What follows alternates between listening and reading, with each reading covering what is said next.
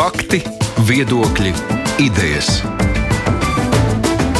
Raidījums Kruspunkta ar izpratni par būtisko. Krustpunktā studijā esmu Aits Tomsons. Labdien!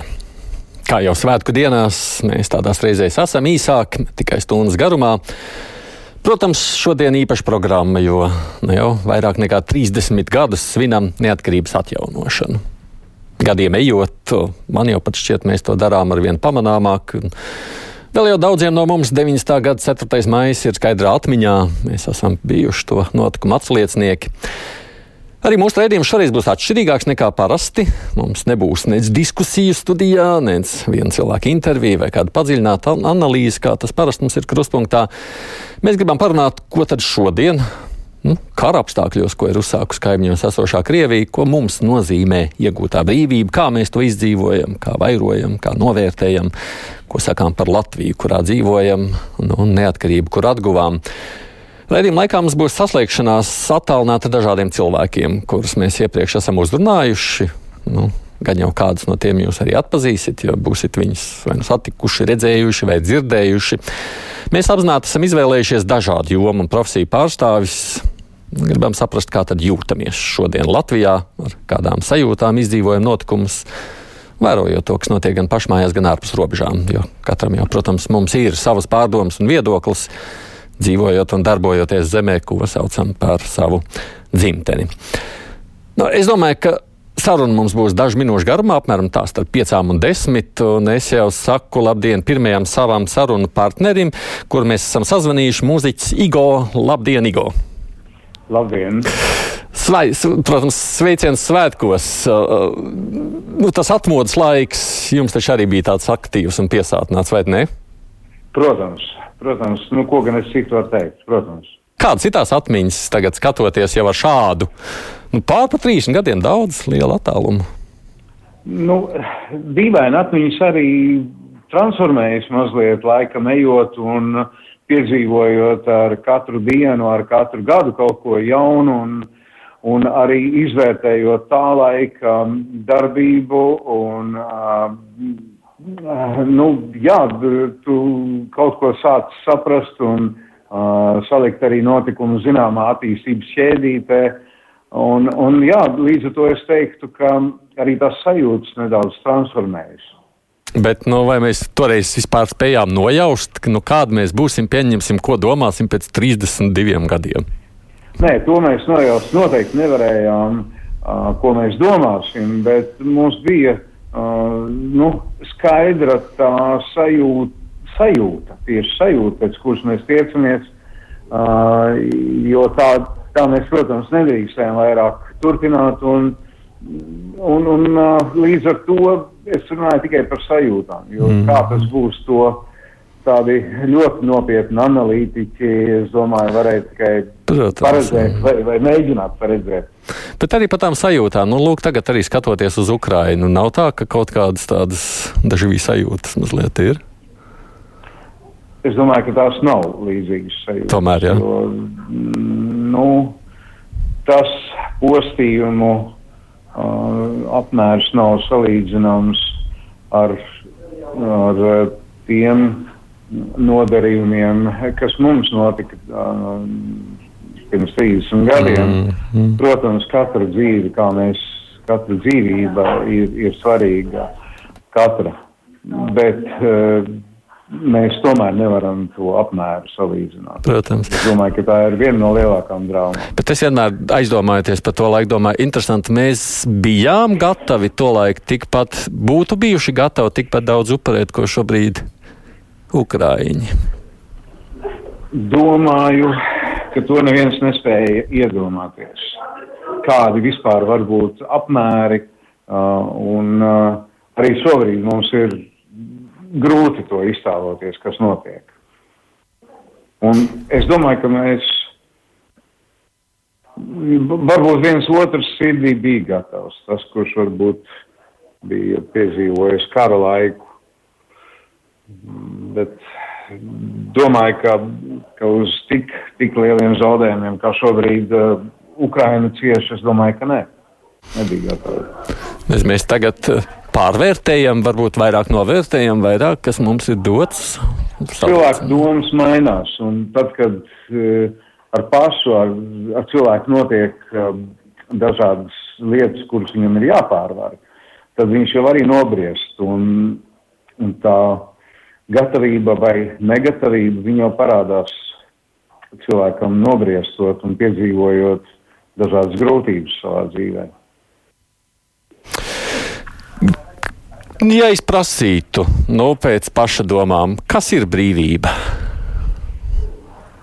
Grūts jautājums, droši vien. Ne?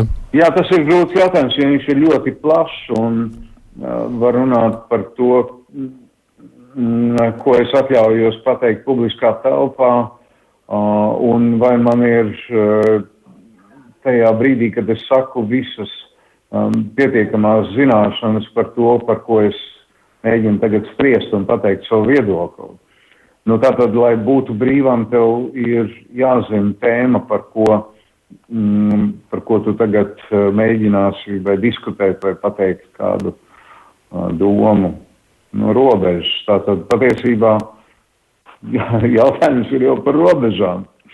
Cik, cik tālu sniedz tavs uh, apvāršanas, cik tālu tu spēja saklausīt. Uh, un, jā, un tad, tad arī ir tā brīvība, kur mm, tu, tu iegūsi telpu, kurā tu vari brīvi darboties un uh, izteikties un, un dot padomu citiem, palīdzēt citiem. Bez tā brīvības nevar būt. Mm. Vai Igo ir laimīgs dzīvot tagad brīvā Latvijā? Vai tas ir tas, nu, ko mēs gribam?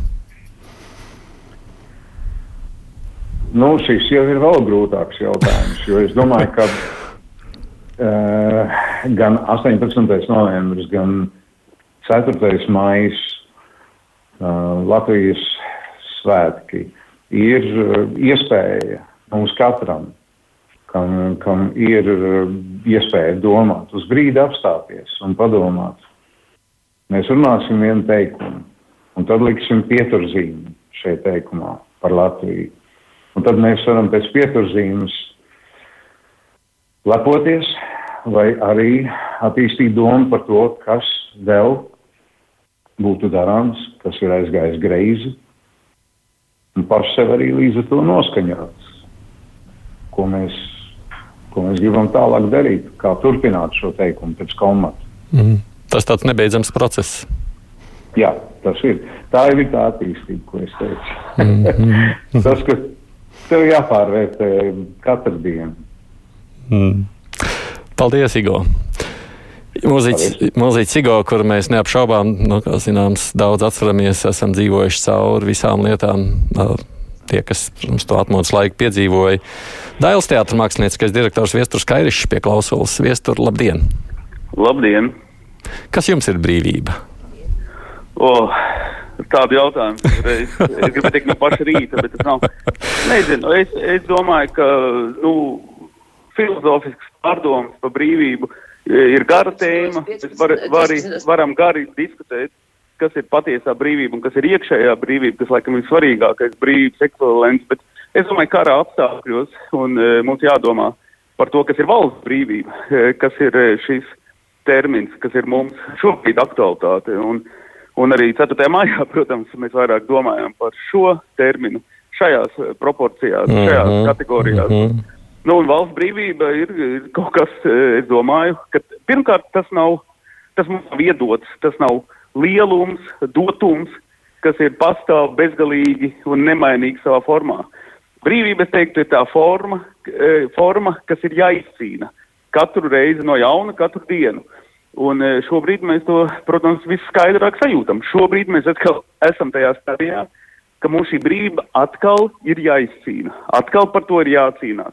Atkal jābūt stingriem. Un tas ir, man liekas, svarīgi. Un e, brīvība ir šajā kontekstā pirmkārt brīvība cil no cilvēkiem un valstīm, kas mūs cenšas atbrīvot.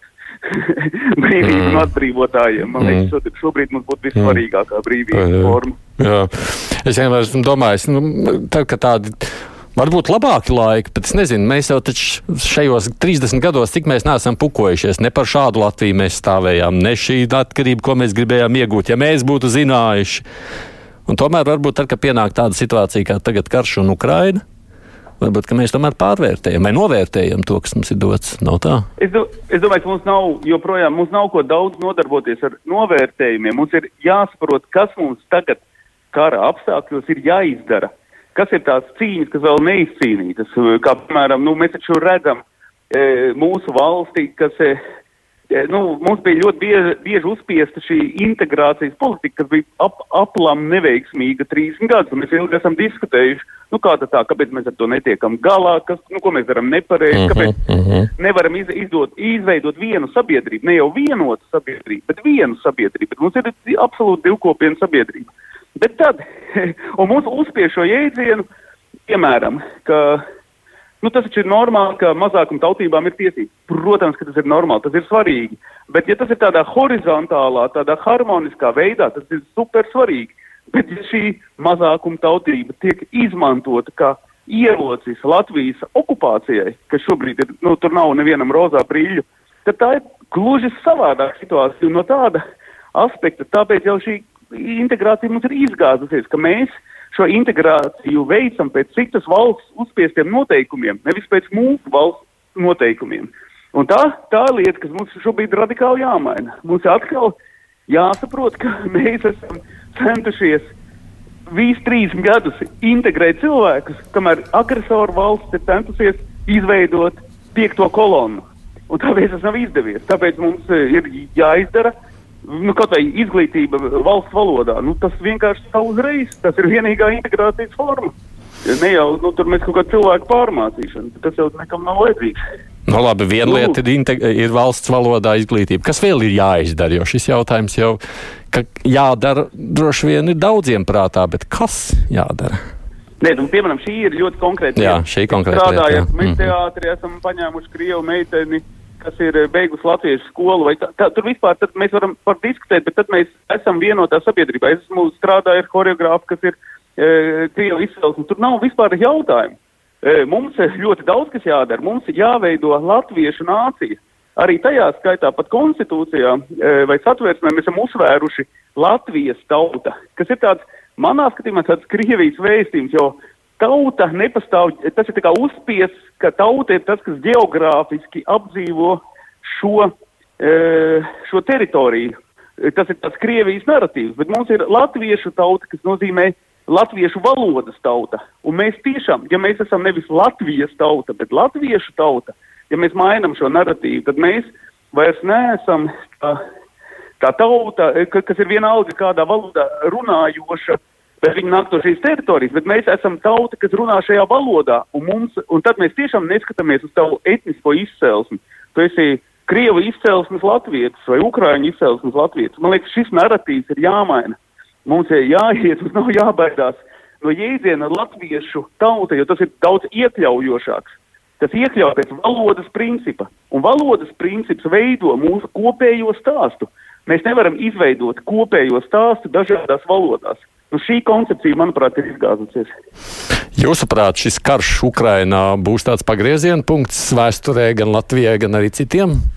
Ziniet, es tagad es vienkārši es nevaru jau izturēt, jo jau ilgi divus mēnešus, un es pat nevaru grāmatu palasīt, jo es visu laiku nu, vienkārši sekoju tajā YouTube, sēžu.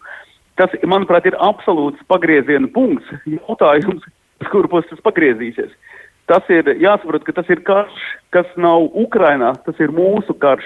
Mums šis karš ir aktīvāk jāizcīna.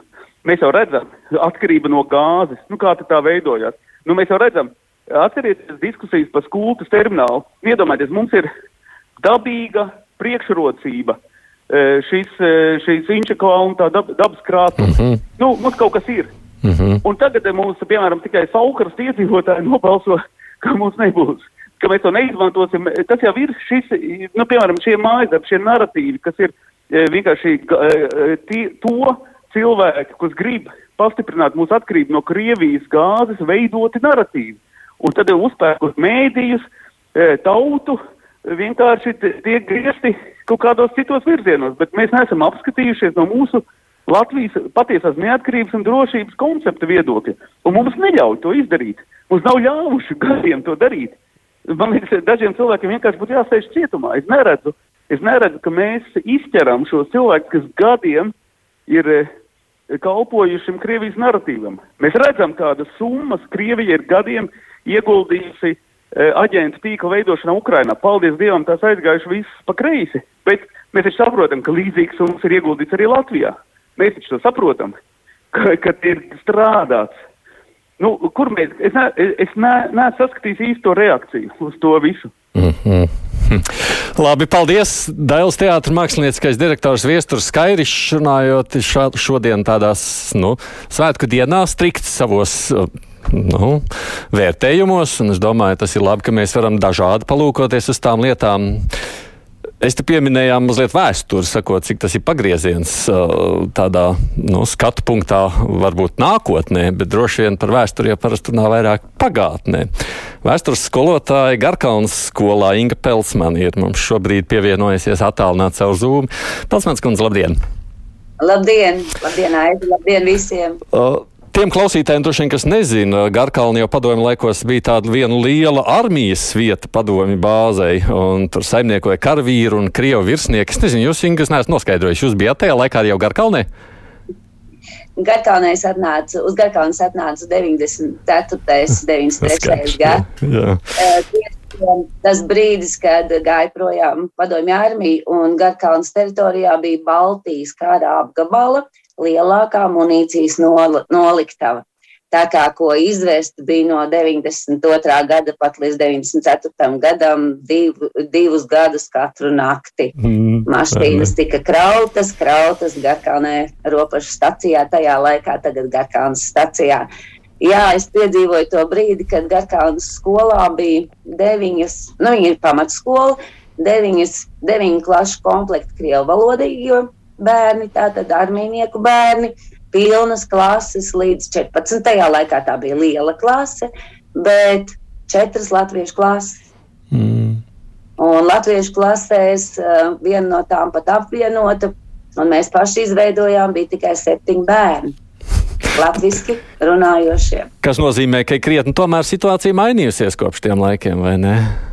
Jā, jā mainījušies. Ļoti daudz aizbrauca ļoti daudz aizbrauca projām uz, uz eh, Padomju Savienību, ne uz Krieviju tajā laikā. Un tie, kas palika, tie, protams, mums bija iespēja, bilingvālā, izglītība bija no 2000. gada, un tad, eh, tad eh, mēs strādājam pēc tāda modelīša, ka četrus gadus bērni mācās savā dzimtajā valodā, pēc tam aiziet bilingvāli, un praktiski 9. klasē viņi jau latviski kārto visus eksāmenus, un un saņem šo, te, šo te diplomu. Mm. Latviešu valodā noliekot pilnīgi visu. Skaidrs, kungs bija diezgan strikts sakot, ka ļoti daudz nepadarīto darbu, un vispār šeit tagad ir nu, tas laiks nocirst to visu saknē. Kādas ir sajūtas no skolotājas skatu punktu skatoties? No skolotājas uh, skatu punkta es ļoti priecājos, ka mūsu skolā ir daudz bērnu, kas nāk no Krievu ģimenēm, bet viņi izvēlās latviešu plūsmas plūsmu un savus bērnus jau pirmajā klasē ieliek latviešu plūsmā. Protams, tā ir ļoti liela slodze skolotājiem, jo bērni bieži vien mm, ļoti slikti runā latviešu valodā. Bet nu, tas, tas uzdevums ir iemācīt, un tā, lai viņi līdz 9. klasē ir, ga, mm. ir gatavi un spējīgi runāt latviešu, izteikt savus domas un, mm. un iet tālāk uz vidusskolām. Kādas ir jums atmiņas par 4. māju, ko jūs atceraties no 90. gada? Oi, oi, tad, kad jūs man uzrunājāt, un tur bija tāds jautājums, ko jūs atceraties, nu, tad uh, es domāju, ka jāsāk ar to, ka uh, tas laiks, 20 gadnieci, esmu 20 gadnieci tajā laikā. Es, uh, 85. gadā iestājos vēstures fakultātē ar komunistiskās partijas vēsturi pirmajā kursā ar vēsturisko zinātnisko komunismu un tā tālāk. Un neviens 85. gadā no pasniedzējiem neminēja ne izsūtīšanas, ne Molotovu-Ribbentropa paktu. Un tad pēkšņi nāk kaut kāds 87. gads, un, un diskusijas par Molotova-Ribbentropa paktu un par okupāciju. Pilnīgi, nu, kā vēsturniekam tur apgriežās pilnīgi, pilnīgi, pilnīgi viss ar kājām gaisā. Nu, tu visu mūžu esi kaut ko mācījies skolā un ne vārdu par to nav bijis un pēkšņi kaut kas tāds ir. Bet 90. gada 4. maija noteikti ir tā diena, kad, kur mēs gaidījām ar ļoti lielām cerībām. Uh, un, ja man kā 20 gadniecei, es zināju, ka es negribu, negribu dzīvot tā, kā es dzīvoju. Es, mhm, negribu, es gribu kaut ko mhm. mainīt, bet, ja jautājums, kā mainīt, man kā 20 gadniekam nebija atbildes. Tāpēc es esmu ļoti priecīga, ka politiski šie nobriedušie cilvēki augstākajā padomē nobalsoja pa, par neatkarības deklarācijas at, atjaunošanu un uzsākās šis process. Tas bija oh, tāds, nu, tāds arī dzēn, tā, es, es paralēlis ar mūsdienām velku, jo, jo arī mēs nezinājām, kas notiks. Vai ienāks armija, vai barikāžu dalībniekus mierīgi apšaus vai neapšaus, tas notiks. Arī tāda ļoti, ļoti nedroša situācija tajā laikā. Bet viennozīmīgi, ka nevajag dzīvot tā, kā esam dzīvojuši. Tas, tā bija tāda pārliecība, nu, man liekas, ikvienam cilvēkam, kurš tajā laikā nu, varēja izbraukt uz ārzemēm. Piemēram, nu, man 88. gadā bija fantastiski iespējas dziedāt kori, un mēs aizbraucām uz Vācijas Federatīvo republiku. Un aizbraucot uz turieni, es pēkšņi tiku iemest ģimenē, kurā uh, automātiskā veļas mašīna, mikroviļņu krāsnes, nu, nu viss, kas mums tagad ir. Un es atbraucu mājās un ar ārprātu saprotu, ka nāk sestdiena, kad jāmazgā visu dienu veļa. Tīri tāds, tāds pavisam sadzīvisks, bet ārprātīgi tāds personīgs, jo es domāju, visi padomu cilvēki atcerās šīs ārprātīgās veļas dienas, vārīšanas un pārējiem. Jums nav vilšanās par to, kādā Latvijā mēs tagad dzīvojam. Nu, proti, nu, mēs, nu, mums ir tagad veļas mašīnas un mikroviņu krāsnes lielākoties. Jā. Jā, jā nu tas ir stāsts, eh, vēlies, kā eh, baidies no tā, ko tu vēlies. Vai sapņo par to, ko tu gribi sasniegt, un tu sasniegs. Veļas mašīnas mums ir, protams. Bet es domāju, ka mēs um, mēs dzīvojam labi. Mēs dzīvojam labi, jo mēs esam pirmkārt, mm, pirmkārt mēs varam teikt to, ko mēs domājam.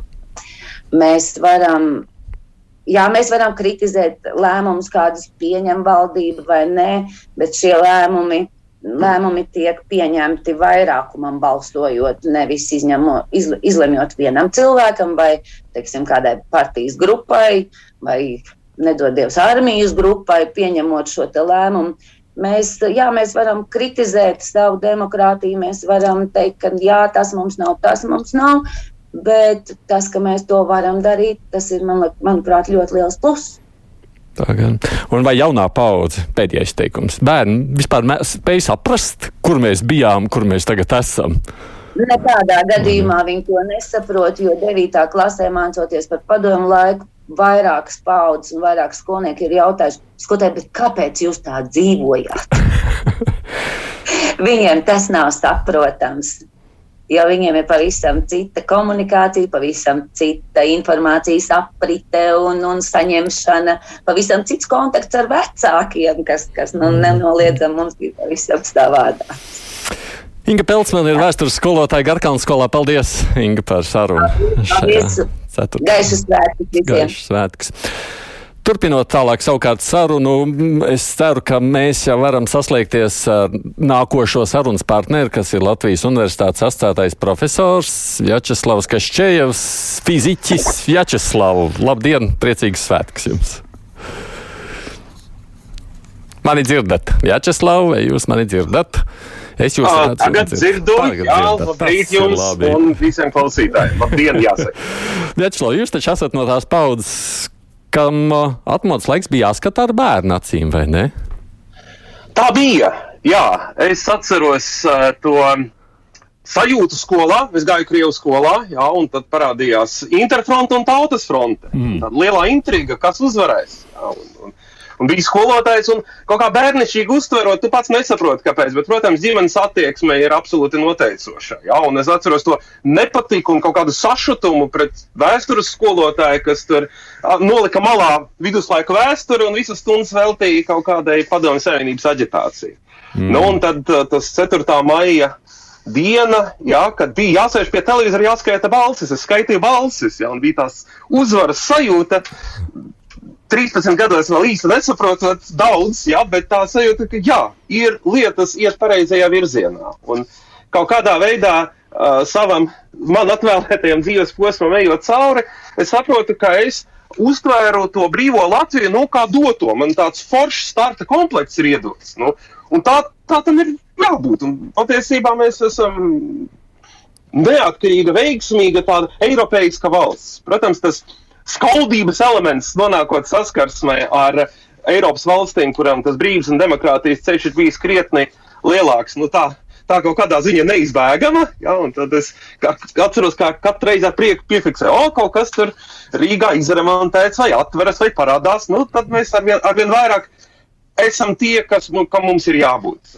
Mm. Tā kaut kā es to Ar, ar, atskatoties jau, jau vairākus gadu desmitus atpakaļ, atceros savas, savas sajūtas. Jā, bet klausoties tā, nu, pieminot jums to Krievu skolu un to spriedzi, kas skolā valdīja, mēs mazliet te bija iepriekš, es saprotu, mazliet izdevās dzirdēt, vai nē, ko sacīja Viesturs Kairišs par to nacionālo. Nu, šis ir tāds jautājums, kas visu laiku, kā redzams, kaut kur tā pavisam nav nozudis. Mums, nē, nu, protams, protams nu, kaut kādā ziņā tur es piekrīstu Viesturam, jā, to, ka tas krīzes laiks un tas kara laiks, viņš nu, kaut kādas lietas atsec, ja, un vairs nevar turpināt melot sev un citiem, ja, ka ir uh, daļa Latvijas cilvēku, kas ir pilnīgi pakļauti šai rašismu propagandai, un uh, mēs nu, esam tēlojuši, ka tā nav, ja, vai kaut kā izvairījušies, vai, vai, vai, vai, vai nu, ka, kaut kas būtiski neatrisināts, kas šobrīd, par ko mēs šobrīd esam pamatot satraukušies.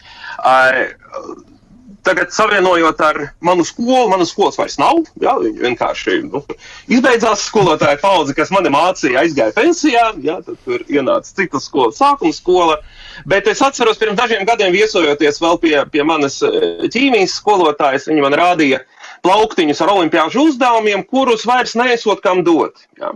Jo tas process, par kuru arī uh, pirmie vēstures skolotāji runāja, ka tie vecāki, kuriem ir iespējas, kuri ir brīvi. Jo brīvība tas ir stāvoklis, kurā tu vari izvēlēties, un tev ir kaut kāda cerība. Ja? Un, uh, tie, protams, saprot, ka bērnam lielākās izredzes ir, ja viņš pēc iespējas ātrāk apgūst latviešu valodu, integrējas latviešu skolās, tiek uz pēc iespējas labāku skolu. Un tad tajā krievu skolā, ja es runāju par savu vairs neeksistējošo 60. vidusskolu Purciemā, paliek bērni, kuriem to iespēju tās brīvības ir mazas vai, vai, vai ir pavisam maz. Ja. Un tādā veidā tas integrācijas jautājums manā uztverē ir ļoti cieši saistīts ar vienlīdzības jautājumu un par iespēju jautājumiem. Jo, ja mēs redzam, kas pastrādā tās uh, zvērības Krievijas karā, kas visvairāk ir uzņēmīgi tai propagandai, tie ir cilvēkiem, kuriem šī propagandas inde aizstāja, nu, dot kaut kādu surrogāta sajūtu, kā narkotika, ja, tad, kad uh, tev kaut kā būtiska trūks un kaut kas būtiski ir aizlausts. Nav tā, ka es zinu, ko darīt. Ja, tas, domāju, mums visiem šobrīd, kā sabiedrība, kā jau ir izskanējis, skan. Bet ko man no savas uh, perspektīvas gribas novēlēt, lai mēs neļaujam pārmantot nākamajai paudzei tās sāpes, konflikts un traumas, kurām ir bijis jāiet mums cauri.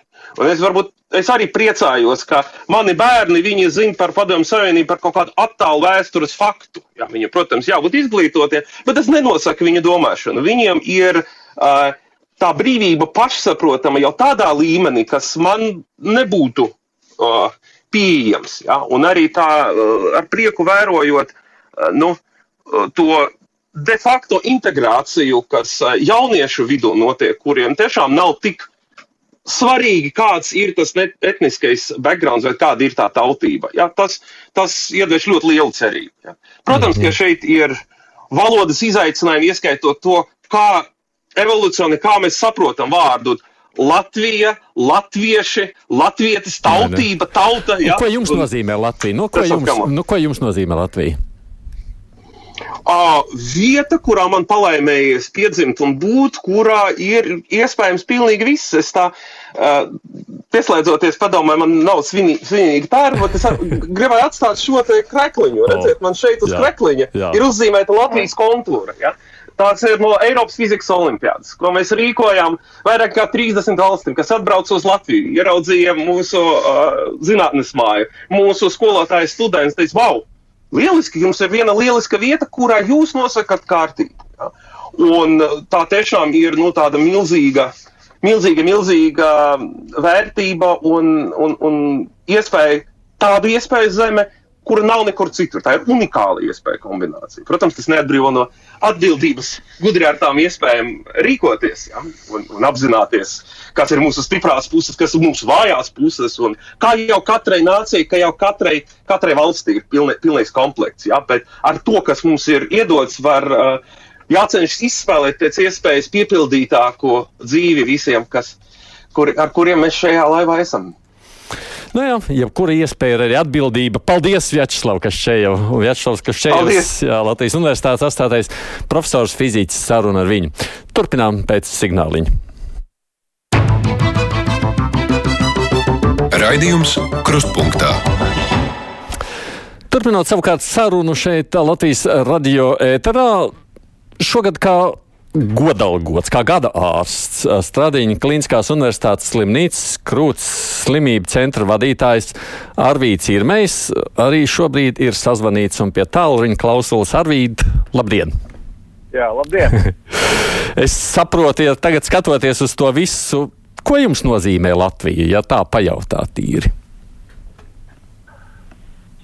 Nu, nu, tas ir kaut kas ļoti, ļoti svarīgs. Tam noteikti ir tāda liela vieta sirdī. Es kāpēc to jautāju? Jo reizē man šķiet, tajā medicīnas lauciņā liekas, tik daudz no ārstiem aizbrauc. Jums arī nav bijis vēlme visu pamest, doties prom? Uh, man varbūt uh, nav uh, to tā izdevies izdarīt. Es atceros, ka, ka man liekas, kaut kad 98. gadā bija kaut kāda doma uz kādu gadu aizbraukt uz Zviedriju, bet tas nerealizējās. Mm. Un tomēr tik daudz aizbrauc. Tā nav tāda izšķiršanās starp, starp vērtībām. Nezinu. Es nezinu. Nu, es tā uh, paskatīju, ka četri no, nu, cik mēs bijām, 10, 11 grupā uh, pašreiz uh, dzīvo, strādā ārpus Latvijas. Es domāju, nu, katram ir savs ceļš, un ir jau kādreiz labi arī, ka tam ārzemju kolēģim var pazvanīt un uh, pa kaut ko pakonsultēties, jo profesionāli jau nu, ir, ir lietas, kur, kur viņi ir mums tomēr krietni priekšā. Nē, esat nekad nožēlojis, ka esat palicis Latvijā? Nē. Kāpēc? Nezinu, nu, kaut kā tomēr ir tā piederības sajūta un kaut, kaut kā, nu, liekas, ka te ir tā, tā vieta. Mm. Atcerieties 4. māju 90. gadā kaut kādas sajūtas. Jā, jā, bija ļoti silts dienas. Uh, es atceros, ka bijām kaut kā klases biedriem aizbraukuši uz Gaujumalu un, un spēlējām volejbolu. Jo jā, pavisam tādos teikraklos bija, bija ļoti, ļoti skaista diena. Mm. Balsis neskaitījāt, kā tur daudz, jo jūs jau bijāt taču vēl, ne, jaunietis, pusaudzis, skolēns, kas Kas tur jā, nu, nē, nē, nu, tas balsojums skaidrs bija, ka nu, 17 gadi. Jā, 17, skaidrs, ka, mm -hmm. Bet es tā kā šķiet, ka, kad atgriezos mājās, tad tētim, protams, pirmais jautājums bija laikam, ko jautāju. Kāds tad ir tas rezultāts? Gribējās, lai ir saskaitīts, ka ir par? Nu, nu, to, to jau no laikam pilnīgi noteikti. Vai ne? Mēs nojautām toreiz, nu, kāda tā nākotne būs, kur mēs dodamies Latvijā? No, Jā, nu es saku, tāds vidusskolnieks, nu es domāju, tur bija tādas emocionālas lietas, protams, bet, bet vai kaut kas tāds uh, reāli izpratni jau pa valsti, nu, nu diez vai bija. Mm. Kā šķiet, Arvīd, kas ir jādara, lai mēs dzīvotu zemē, kuru mēs novērtējam, mīlam, cienām, kas ir mūsu dzimtene, kur mēs lūdzam, lai Dievs svētī. Kas ir jādara? Jā, nu, domāju, ka, ka tā kā tu jau jā, atsaucies, es domāju, ka mums ir tā labā, viskaistākā uh, himna, kāda pasaulē vispār ir kādai valstī. Un es domāju, ka nu, ne par velti mūsu uh, senči tādu to himnu izvēlējās, jo es domāju, ka nu, ar to nu, 90. gads jau bija, bija, bija tas laiks, kad bija tā garīga atmoda, un es domāju, svarīgi to nekad neaizmirst, ka būtībā jau m, tā, tas Latvijas valstiskums vai, vai pirmajā reizē no, no brāļu draugiem, vai arī otrajā reizē šī garīga atmoda, uh, tomēr ir bijusi tas priekštecis tai valstiskuma atjaunošanai. Un tomēr to garīgumu nav tik viegli noturēt vienmēr. Tieši tā. Un ko darīt? Tas jau ir tāds katra, jā, katra individuālais darbs, darbs ģimenēs.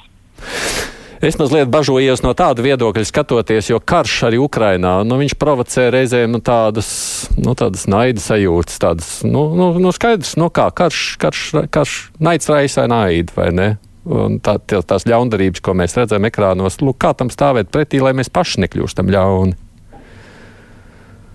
Jā, nu, es domāju, ka tādas jau jā, pretīm stāvēšanas viņas jau ir bijušas uh, uh, vienmēr, un, un, un, un iespēja būt pret kaut ko uh, naidīgam, tas jau ir bijis vienmēr, bet es domāju, ka tajā pašā arī nu, Kristus laikā uh, tas, uh, tas bija pār pārējiem, bet nu, tomēr tajā Kristus mācībā es domāju, daudz ko mēs varam saklausīt tādu, kas mums var palīdzēt tomēr nu, stāvēt pāri tam naidam un, un palīdzēt un, un, un darīt to, ko mēs no savas puses varam, lai kaut kā to, to naidu kliedētu un, un, un viss tās grūtas dziedētu. Pēdējais jautājums. Jūsuprāt, kāda Latvija būs vēl pēc 32 gadiem? Man, mana tāda pareģošana vispār neveicās. no, labi, kādu jā, gribētu bet, redzēt? Kādu jā. gribētu, kādu gribētu redzēt? Nu, es domāju, ka to pats galvenais tādu garīgi stipru un brīvu. Tas būtu pats pats galvenais. Es domāju, ka tās pārējās lietas arī sekos. Mm. Paldies! Arvīts ir mēs, Straģiņa Kliniskās universitātes slimnīcas krūts slimību centra vadītājs, saka, garīgi stipriem un brīviem vajadzētu būt mums visiem. Par nākotni redz, kāpēc liekas interesants, jo, ja nu kas mums ļauj vairāk izgaršot to Latvijas perspektīvu, tad tie ir nu, man šķiet, īpaši nu, cilvēki, kas ir jau nu, jauni cilvēki, apņēmības pilni. Un arī tādi, kas jau ir daudz ko sasnieguši, mērķiecīgi. Man šķiet, ka mēs vien tādi esam šobrīd spējuši nu, piedabūt pie datora ekrāna, lai viņš ar mums aprunājās uzņēmumu aretā īpašnieks Jānis Irbe. Labdien! Labdien visiem! Atgā, atgādiniet klausītājiem, ko dara aretai. Pareizi es izrunāju, vai ne? Aretai, jā. Aretai. Tad, tad aretai ir grieķu, sengrieķu vārds. Tas nozīmē izcilības sengrieķu valodā. Tad, mm. tad, uh, un mēs ražojam skandas, jeb akustiskās sistēmas, kas ir ļoti augstas kvalitātes.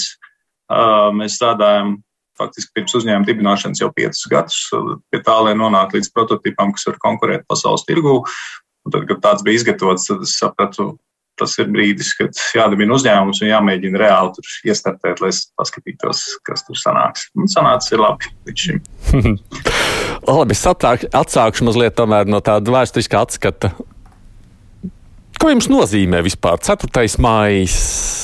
nu, tā taču tieši nav droši vien tie paši spilgtākie, kādi personiski piedzīvotie vēsturi, vai ne tā?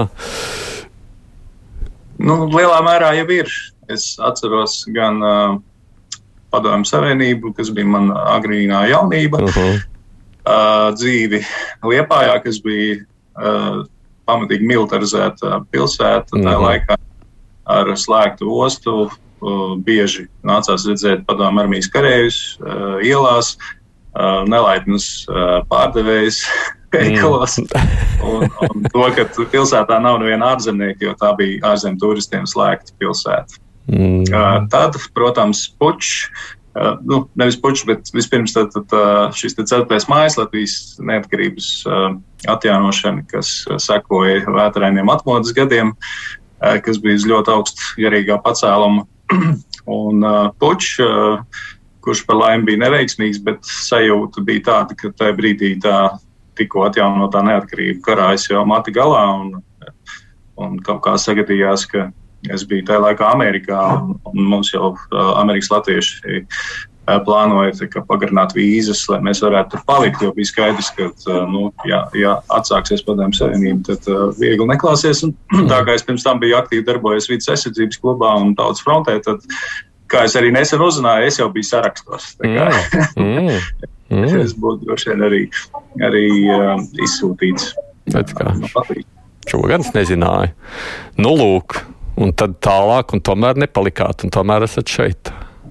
Jā, brīnišķīgi. Tas man bija iekšēji ticība un sajūta. Uh, Puķa laikā, varbūt tas bija tāpēc, ka es biju tālu prom tobrīd, bet, bet likās, ka Dievs palīdzēs. Uh, un, un, nu, nevar būt tā, ka mēs esam nu, jau, jau, jau to neatkarību atkal dabūjuši. Un, un, un tad viņi mums atkal tiktu atņemti. Man tas likās, tas būtu briesmīgi netaisnīgi, bet mums jau tā daudz cietušo uh, tautu un valsti. Mm.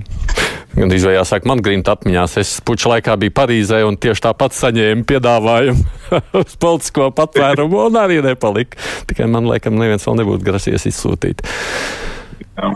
Mēs reizēm čīkstam par to, kāda Latvija sanākus. Kāpēc tas tā ir?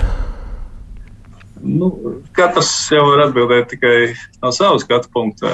Es šobrīd nečīkstu nemaz. Man bija nepatīkamas sajūtas 90. gadu vidū, kad bija Krievijas krīze un nu, bija tāda totāla nabadzība visapkārt un diezgan liels izmisums. Tad bija nākamā krīze. Un, tā, es atvainojos. Te būs pielabojums, lai pārējais fons mazliet klusāk. To es paskaidroju klausītājiem, lai viņi zinātu, kāpēc klusums. Turpiniet droši. Un uh, arī tas oligarhu periods, ko mēs varējām ļoti pamatīgi redzēt, uh, ietekmē uz mēdījiem, tas bija ļoti, ļoti nepatīkams laiks. Jā. Tas, uh, kas bija nu, apmēram.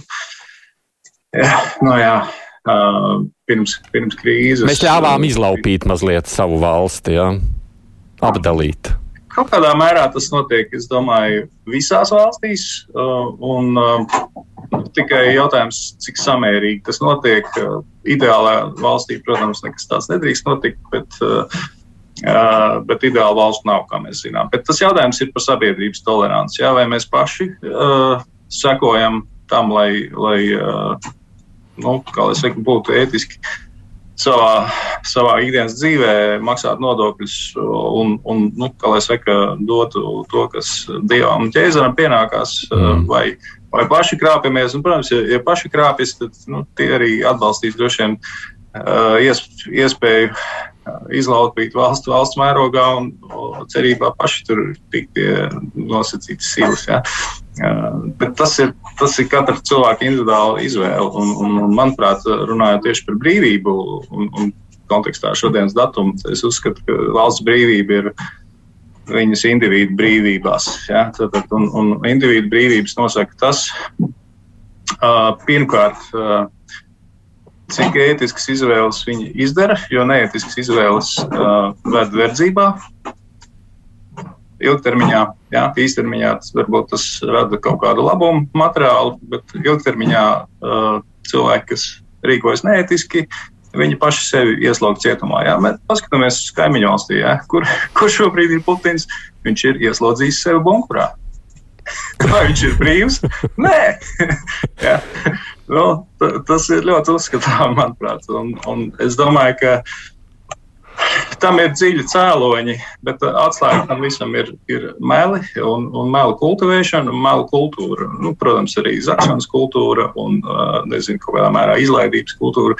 Un, nu, valstī, kurā iet slikti, cilvēki ir iedzīti tik ļoti lielos kompleksos, ka viņiem jebkurš, jebkura valsts, kurā iet labi, nu, liksies kā personīgs aizvainojums.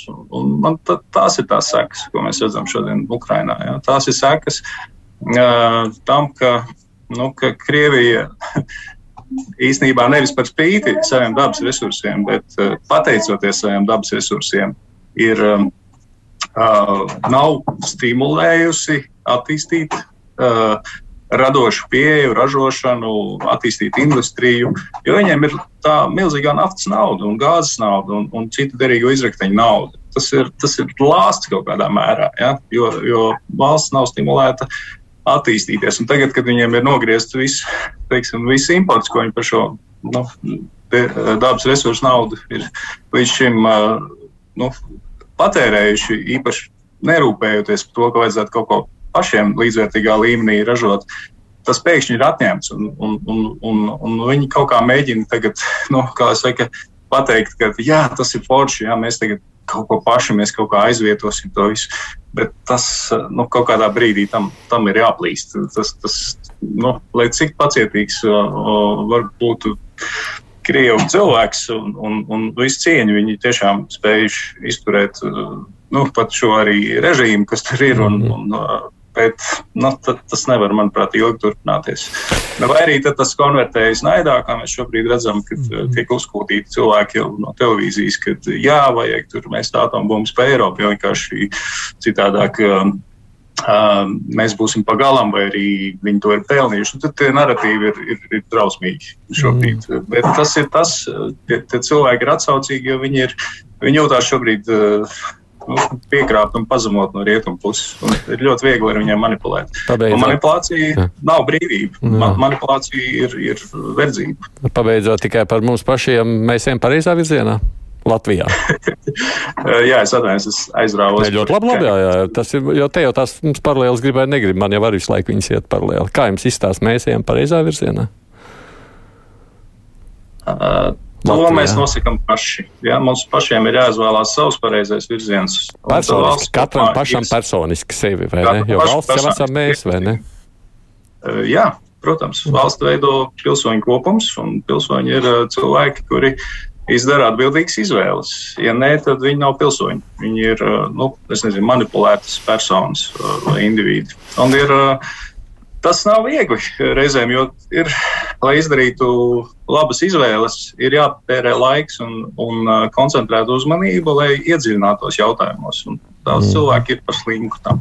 Tāpēc nu, mans aicinājums, ja mēs gribam būt aizvien brīvāki ar katru nākamo dienu, tad uh, izdarīsim ētiskas izvēles, un kamēr valsts mums ļaus tādas netraucēti izdarīt, jo, piemēram, Krievijā mēs redzam, ka cilvēki nevar šobrīd izdarīt ētiskas izvēles. Ja? Viņi mm -hmm. pat nevar iziet ar ar lapiņu uz ielas, kur ir uzrakstīts eh, vienkārši nekas, vārdi. Kur pat nekas nav rakstīts. Jā.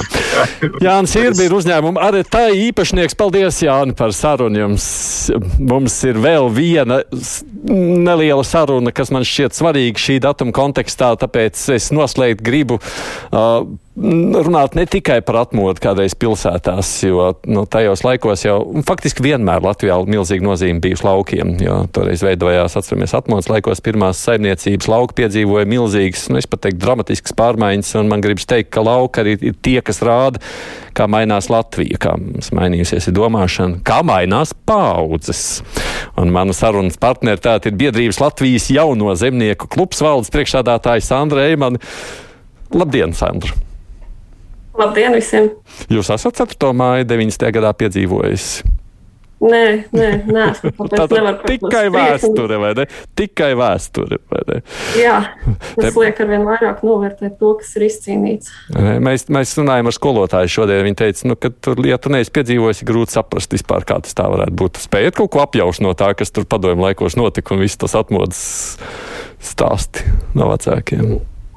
Noteikti, ka nespēju bet uh, visu cieņu tiem, kas to ir spējuši izturēt.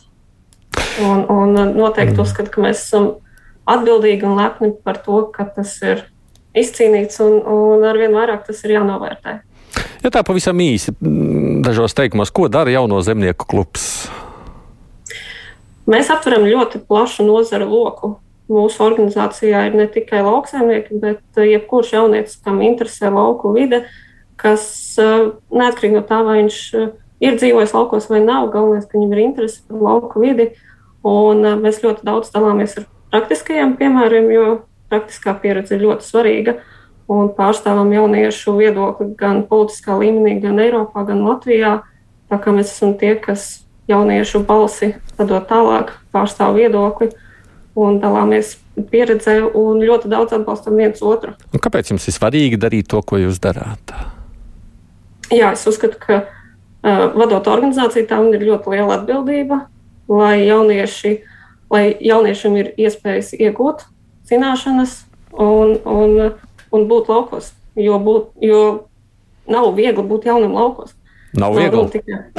Tas ir tas jautājums, ko nozīmē būt 21. gadsimtā jaunietim laukos. Nu, vispār. Man liekas, ka jaunietim uh, vispār nav viegli, jo droši vien jaunietis grib daudz ko. Vispār mēģinot. Grib, grib ģimeni, grib karjeru. Un, un, ja vēl esam laukos, un ja vēl mums ir uh, paudžu nomaiņa, uh, veiksmīgi jāpārņem, jāturpina, vai veiksmīgi jāpasaka paldies saviem senčiem par to, ko viņi ir izdarījuši, sasnieguši. Un jācer, ka senči mums, jauniešiem, ļauj tālāk attīstīties, varbūt sākt citu nozari. Tas nekas, bet galvenais, ka mēs esam laukos. Un, ja runa ir par to, vai viegli būt jaunam laukos ar vārdu jauns, mēs varam saprast ne tikai vecumu, bet par to, ka arī pandēmijas dēļ ļoti daudz pārcēlās uz laukiem. Un neatkarīgi no vecuma, viņš ir jauns laukos, un viņam ir daudz izaicinājumu tik un tā. Nu jā, nāk ar jaunums tādā ziņā, ka jaunas iespējas, ne tikai jauna izaicinājuma, bet arī jaunas iespējas. Kā jums šķiet, nu, kādu jūs redzat Latviju nākamajos gadu desmitos? Ir īpaši skatoties kaut kādā no, no lauka perspektīvas. Es noteikti gribu būt optimistiska. Es neļauju mūsu biedriem čīkstēt, bet, bet mēs ļaujam viens otram izteikties un, un atbalstīt un būt tam spēcīgajam plecam. Um, noteikti mēs būsim zinošāki, daudzveidīgāki. Un noteikti, Latvijas tauta cilvēki ir, ir ļoti spēcīgi. Un mums jāsaprot, ko mēs katrs pats varam darīt Latvijas labā, kas mums ir Latvija. Es esmu daļa no Latvijas, Latvija ir daļa no manis. Un jābūt vienotiem dažādībā. Jāatrod kopīgais mērķis skatoties, kā Latvijas lauki ir mainījušies, nu, kā tā ir milzīgas transformācijas notikušas šo gadu desmit laikā. Jums šķiet, tā transformācijas tāpat turpināsies, un vēl pēc kaut kādiem pārdesmit gadiem atkal būs pilnīgi citādāk Latvijas lauki nekā šodien? Nezinu, vai pilnīgi citādāki, bet uh, katra diena ir pilnīgi citādāka. Lauksaimnieks ir atkarīgs ne tikai no politiskajiem lēmumiem un visa pārējā, no stingriem nosacījumiem, bet no laikapstākļiem. Lauksaimnieks katru dienu plāno desmit soļus uz priekšu. Līdz ar to pat nevar salīdzināt, kāda bija lauksaimniecība, kāda varbūt bija saimniecība, kurā es saimniekoju pirms gada. Es nezinu, kas būs vēl pēc gada. Tāpēc uh, es domāju, ka ir jāizmanto iespējas, precīzās tehnoloģijas, modernizācija, bet tam visam pamatā ir zināšanas. Nav jēgas no modernizācijas, ja es nezinu, kā to pielietot, ko tā man dos. Mm. Un, un zināšanas es uzskatu, ka ir pamats visur, arī veidojot diskusijas, veidojot uh, dialogus, nevar strādāt ar nepamatotu informāciju. Sandra Eimana ir valsts priekšādātāja biedrībā Latvijas jauno zemnieku klubs. Paldies jums! Lai jums Paldies. veicas un izdodas. Nu, lūk, tāds šoreiz mums sanāca kaleidoskops krustpunktā gandrīz stundas garumā. Droši vien, ja mums ir katram savs sajūtas, emocijas, domājot par Latviju, nu, vienalga vēsturi, pārmaiņām, nākotni. Tā, jo, tā tad ir mūsu dzimtene, daudziem vienīgā, nemaināmā un katru dzīves ceļš vedis pa saviem līkločiem, bet nu labi, ka ir tāda Latvija, kur varam runāt latviski, kopā dzīvot, celt savu valsti, un šie Ukrainas notikumi rāda, nu, ka var nākties arī daudz pūlēties un upurēt, lai dzīvot savā brīvā zemē. Mēs ļoti ceram, ka mums nenāksies šādi cīnīties.